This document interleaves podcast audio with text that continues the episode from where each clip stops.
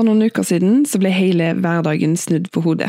Og jeg tror de aller fleste kan være enige om at det vi står i nå, kan være ganske utfordrende på forskjellige måter. Samtidig så er det godt å se hvor tilpasningsdyktig og løsningsorientert de fleste i samfunnet er. Og ikke minst hvor mye vi stiller opp for hverandre. Jeg heter Karoline Kolstø, og jeg er produsent for denne podkasten. Og som mange andre så sitter podkastverten vår Ellen Sofie i karantene. Derfor så skal dere denne uka få mimre litt sammen med meg.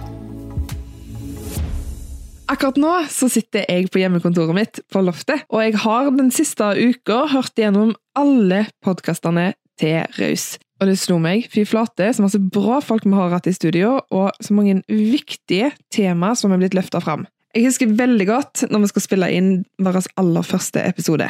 Det var en sånn spenning i studio, og den gode følelsen som vi fikk når episoden ble publisert, den var ubeskrivelig. I første episode så hadde vi besøk av politikeren Harald Larsen Lønning, og han fortalte blant annet om hva han likte best med byen sin. Hva som gjør at du er så glad i Haugesund by? Jeg har lurt litt på sjøl òg, egentlig. Ja. altså, det er jo en patriotisme som ligger i bånn, da. Ja. Eh, som jeg føler på en måte òg egentlig veldig mange haugesundere har. Ja. Eh, og det som jeg syns er det aller fineste med Haugesund, det er vel at jeg føler at det er stort nok til at du på en måte får alt du trenger, mm. men allikevel lite nok til at når du går Haraldsgata, så finner du alltid noen å hilse på. da. Ja. Og det er kanskje en sånn, det er en sånn unik ting som viser litt om størrelsen vår. Mm. Og så liker jeg den der patriotismen som vi viser på sånne eksempler som om det er en type nå når det er cupfinale. Ja. Da plutselig er alle FKH-fans, eller ja. Eh, når vi skulle vinne korslaget. Ja.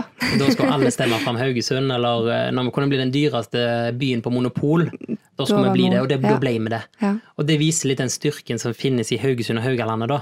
Når vi, jobber, når vi går i takt, da er vi de sterkeste kanskje i landet. Men uh, veldig ofte så bruker vi mye tid på å krangle, da. Istedenfor. Monica Tune Håkull jobber i Redd Barna, og når hun var på besøk hos oss, så snakka hun om hva foreldre kan bidra med for å gjøre en forskjell for andre barn enn sine egne.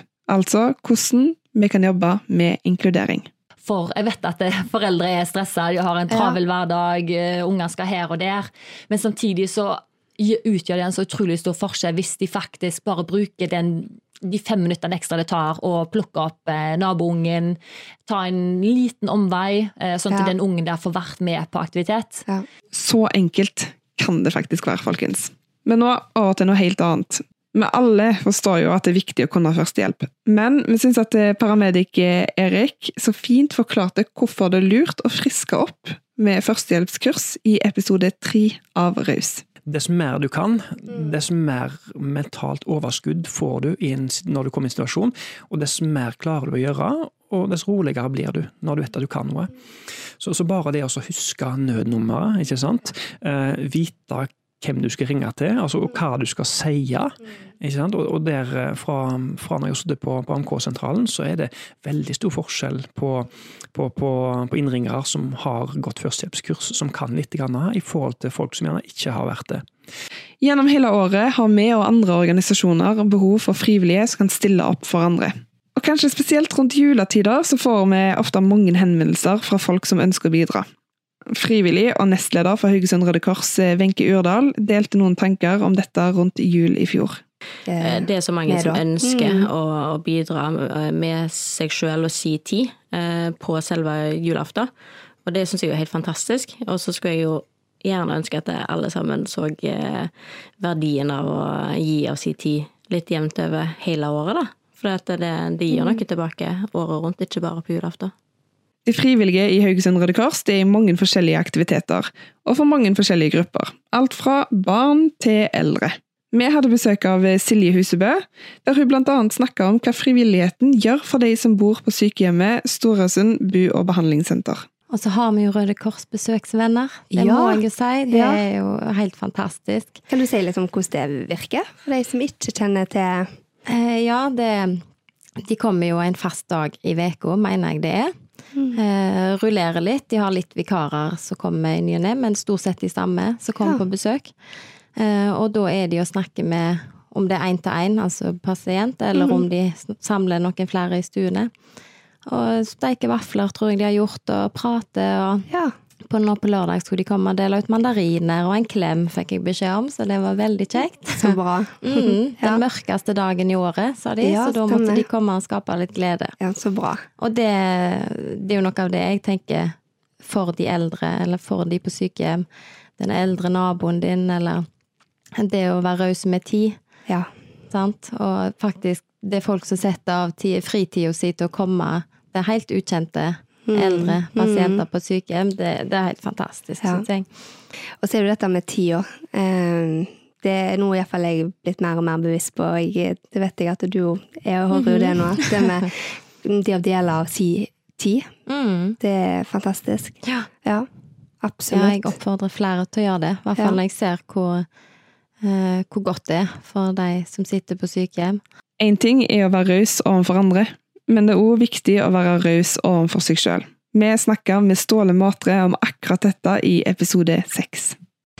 Eh, jeg har vært på en eh, tidvis tøff, men først og fremst lærerik og givende reise de siste, siste årene. Uh -huh. Og en av de tingene jeg har lært som er med på å dra meg opp av myra, for vi havner i myra av og til alle sammen, til og med når vi er på opptur.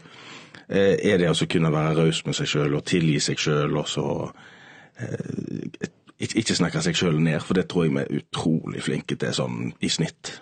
Men du sier noe om det, altså det å havne i myra. Mm. Um, må en på en måte havne der, tror du, for å kunne bli rause med seg sjøl, eller for å på en måte eh, kunne tenke på at en må ta vare på seg sjøl òg? Nei, jeg, jeg, tror ikke det, uh, og det har jeg reflektert litt over. Uh, et av de tiltakene Ståle nevner i denne episoden, er det å ta tak i seg sjøl og være litt sosial. Det er ikke alltid like lett. Spesielt ikke om man f.eks. er nyinnflytta. Dette har Karianne Hauge Aksland funnet en løsning på, nemlig Facebook-gruppa Venner på Haugalandet. Jeg kjenner jeg blir liksom så revet med, og, sånn som det med kinoen der, så tenker jeg litt ja. på hva jeg har lyst til å være med på igjen. der, sant? Og Hvis noen skal noe, så kjenner jeg at jeg, åh, jeg har lyst til å være med på alt ja. sjøl òg. Så jeg håper jo at eh, mange eh, som gjerne ikke har så mange rundt seg, og kan hive seg med. Det kan være masse forskjellige situasjoner. Nyinnflytta eller mm. nyskilt, eller en som, ikke, mm. en som er mye alene, som ja. gjerne tenker at nei, nå må jeg skjerpe meg og få et lite spark bak, så da hiver jeg meg rundt, liksom. Knallbra. En av de episodene som kanskje til nå har gjort sterkest inntrykk på meg, var den vi spilte inn med Eirik Høie Mortensen, som overlevde terroren på Utøya. Og For meg så var det viktig å være Eirik, eh, og ikke være Utøya-Eirik. Mm -hmm. Jeg sa det til mamma og pappa, da vil jeg heller springe naken om Haraldsgata for at folk skal huske meg for det, framfor å stemple meg med Utøya. Um, det er klart, når en som 16-åring opplever den største terrorhendelsen på norsk jord siden kalde krigen, så gjør det noe med en. Men jeg hadde et voldsomt behov for å komme meg ut og gjøre ting, og følge drømmen min, som var å bli skuespiller, og flytte til USA, New York få lov å være meg da, og dyrke mine interesser eh, for å kunne ivareta meg sjøl. Jeg hadde ikke lyst til å bli sittende hjemme. Dette er jo til tross for at alle psykologer, og mamma spesielt, var litt sånn Skal du virkelig til New York helt alene som 18-åring? Um, men altså, om det ikke hadde gått, så hadde jeg flytta hjem igjen. Det gikk heldigvis veldig, veldig bra, og det var med å ja, det var en ny start for meg da, på mange måter. Eh, I en av verdens største byer hvor det er ingen som kjenner deg, ingen som vet hvem du er. Så helt alene? Hei, ja, helt ja. alene. Um, så var du jo bare en, en, liten kar fra Norge. Han hadde mange fine refleksjoner rundt psykisk helse, som dette, for eksempel. Hvordan vi misbruker en del eh, faguttrykk. Eh, for eksempel vi sier 'å, det er så mørkt ute', og oh, 'nei, jeg blir helt deprimert, jeg orker ikke' du blir ikke deprimert. Eller hvis Per gjør det slutt med Pia, og hun sier hun får helt angst av gutter. Du har kanskje ikke angst. Um, Men det ligger jo nå i et litt altså, normalspråket vårt. Altså, det blir fort det. Ja, ja. Uh, jeg, men jeg syns det blir eh, Det er ikke meningen å være en sånn krenka person, for det, jeg blir ikke krenka personlig. Men jeg tenker vi, vi bør kunne være flinkere å bruke andre ord. Eh, for om det sitter noen i klasserommet og faktisk har fått en angstlidelse, eh, som har fått den diagnosen av en behandler, så kan det være med å kanskje undertrykke den personens eh, følelser rundt sin egen diagnose, og at vi ikke skal gjøre det om til et hverdagslig uttrykk. Jeg må si meg litt skyldig der. Altså, jeg eh, Lett har jeg sagt eh, at jeg blir litt deppa av været, så skjerpings, skjerpings. Men over til litt teknologi, eller sosiale medier. Vi hadde besøk av advokat Ingrid Lauvås, som har oppretta Snapchat-kontoen Advokatsnap for å kommunisere ut til ungdommer. Hvorfor Advokatsnap? Svaret får du her. Altså, tanken bak var jo at jeg hadde, altså, Med de sakene som jeg jobber med, sånn, type straff og barnevern, og sånn, så er det jo alltid barn involvert. Mm. Og så har jeg hatt en tanke om at barn vet veldig lite om hva skjer i en foreldretvist, f.eks. For Hvis jeg snakker med den personen, får mamma og pappa vite det? Hvordan er dommeren? Mm. Er det veldig strengt? I barnevernssaker, hva skjer hvis jeg sier sånn? Og så har jeg liksom hatt en idé om at hvis barn er trygge på hva som skjer, og er trygge på sine egne rettigheter, så kanskje de på en måte snakker litt høyere, og så får vi på en måte deres stemme fram. Når TV Haugaland-reporteren Knut Netland kom inn i studio til oss, så tror jeg noe av det første vi påpekte, var hvor overraska vi var over hvor fort han kom tilbake i jobb etter kreftoperasjonen han hadde. Han kom med en liten avsløring som ga oss en god forklaring på det inntrykket vi satt med. For det er jo en litt sånn annen ting, Knut. Eh, mange tenkte jo at du kom veldig fort tilbake, og vi, vi så deg jo fort på skjermen og ja, ja, men det kan jeg jo forklare litt nå. da. Det, det, var, det så vel ut som om enda fortere enn jeg gjorde. For vi spilte jo inn julesendingene våre rekordtidlig i år. Jeg tror det var tidlig i november. Og dermed spilte vi jo inn de julesendingene rett før eh, jeg skulle eh, opereres. Og så ble det sendt rett etter, nesten. Jeg var ja. operert, så folk trodde jo at jeg var rett tilbake. så nå røper vi egentlig litt sånn uh, Ja, jeg har ja. fortalt en del enkeltvis dette jeg har lurt på dette her, ja. men jeg har ikke fortalt det i offentligheten ennå. Så det var litt uh, det så ut som jeg var tilbake tidligere. Jeg var ikke så gal. Jeg er gal, men ikke så gal. En dag så stakk Ellen Sofie hodet sitt inn på kontoret mitt og lurte på om jeg hadde mulighet til å spille inn en podkast. Sånn med en gang. Da hadde nemlig hun og Daniel Eide Andersen snakka sammen om en av hans hjertesaker, åpenhet om mental helse. Ellen Sofie hun stoppa opp i den samtalen og spurte Daniel om ikke de skulle fortsette samtalen i studio. Og Det var Daniel med på, og det resulterte i den fine episoden om mental helse og kjærlighet. Altså invitere liksom alle inn, uavhengig av hvilken bakgrunn de har. Det tror jeg er veldig viktig. Og det er jo klart det er jo veldig mange andre som har en annen forutsetning for hverdagen sin, òg, som gjerne har havna litt på ei feil linje som man alltid snakker om. Altså man gjerne har noen rusproblemer, man har ja, problemer med å fremstå med legningen sin, man har problemer med å ja, ikke minst mental helse. Altså Man har det gjerne litt tøft. Mm. Og det tror jeg er veldig viktig å, å ha fokus på. Mm. Ha fokus på at man skal få lov til å være som man er. Og har man det tøft, så skal man få lov til å si det, og ingen skal på en måte ta det for det. For å få i gang prosjekter og holde aktiviteten oppe, så trenger vi økonomiske støttespillere. Vi var så heldige og fikk midler av Gjensidige stiftelsen til å drifte prosjektet Hashtag med gjengen, som jobber for at alle ungdommer skal ha kjekke fritidsaktiviteter. Og I den forbindelse så fikk vi besøk av Veslemøy Rue Barkenes. Men så kommer det jo nye søknadsfrister. Mm. Hvordan er jobbhverdagen din da? Da er det igjen eh, både å jobbe litt sånn som jeg har gjort i det prosjektet her, at jeg proaktivt begynner å se litt på behov. Eh, rett og slett finne ut av hva rører seg av aktiviteter, prosjekter og organisasjonsliv rundt omkring i fylket. Og så er det jo naturlig å begynne å starte med de vi kanskje har en relasjon til, og se om er det noe mer der de trenger. Og vi ser jo også selvfølgelig på de som har god gjennomføringskraft, men som også trenger penger for å kunne gjennomføre enda bedre resultater, eller skape nye prosjekter basert på nye behov som dukker opp. Saksbehandlingen foregår jo både på telefon, men også fysisk eh, med møter og det å være ute. Da. Møte engasjerte mennesker som ønsker å gjøre en forskjell for å, som vi er opptatt av, skape gode liv i et trygt samfunn.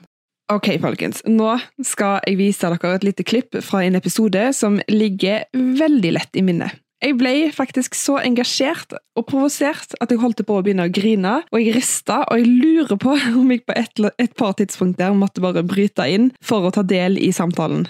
Ikke helt eh, innafor, men når man er produsent, så har man lov å gjøre sånne type ting. Romfolk i Romania er, blir ikke behandla som folk. Og så kommer de til verdens lykkeligste og rikeste land, og så blir de spytta på, og så blir de spent. Folk skuer søppeldunker over dem når de sitter på gata og er gravide.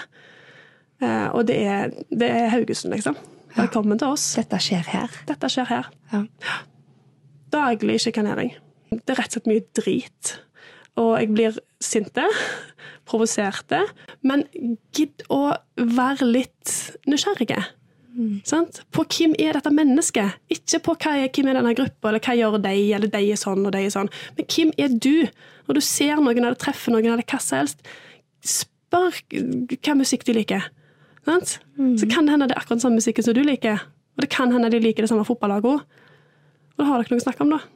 Og så er vi, vi er liksom et samfunn fullt av individualister som skal få lov til å være oss sjøl, og sånn, alle og likhet og Det er liksom motstridende i forhold til ja. Men alle romfolk, de er akkurat sånn. Mm. Helt sånn er de. Og helt til slutt av denne episoden så runder jeg av med noen ord fra vår superfrivillig Lars Morten Mæland. Vi har den fantastisk gode gjengen som sitter der nede. den kjekke folk som du blir kjent med siden du tok grunnkurset. Noen kjente du kanskje litt fra før. Andre blir du kjent med etterpå. Noen får du mye bedre kontakt med. Det er jo en del som finner kjærester og den typen ting i Apropos, hjelpekorpset. Ja. ja. Det må jo være en fantastisk bonus å kunne se at en har funnet kjærleiken ja. i, i, det, altså i, dette her, som du bruker så mye tid på. Ja, en, en klager ikke på det, for du har en allerede banka inn en felles interesse for det som holder på med.